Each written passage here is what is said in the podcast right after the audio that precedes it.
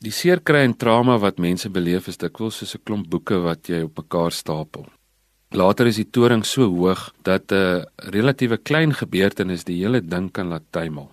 Ons het eendag 'n meisie in een van ons ekohuise gehad.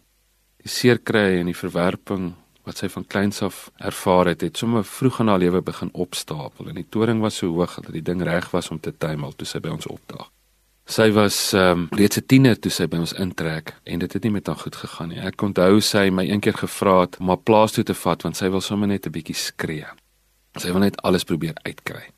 Sy het 'n klomp van ons eredienste bygewoon en ons Bybelstudies en kampe en wat ook al, maar dit was vir haar onmoontlik om te glo dat God haar liefhet. Op 'n dag toe val hy toring. Ek kan nie meer onthou uh, lekker wat was wat het gebeur nie. As ek reg het was dit 'n kerel wat uitgemaak het of iets jy kan. As daai toringboeke so hoog is dan kan jy eintlik 'n klein boekie opsit en dan val die hele ding. Vir haar was dit natuurlik 'n baie groot ding. En sy het in die strate ingestorm en sy het gehuil soos nog nooit nie. En sy het begin hardloop en sy vertel my later sy sê later het sy nie meer geweet waar sy is nie.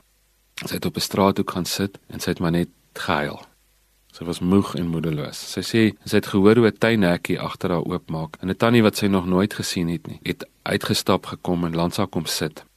En die tannie het, het iets gedoen.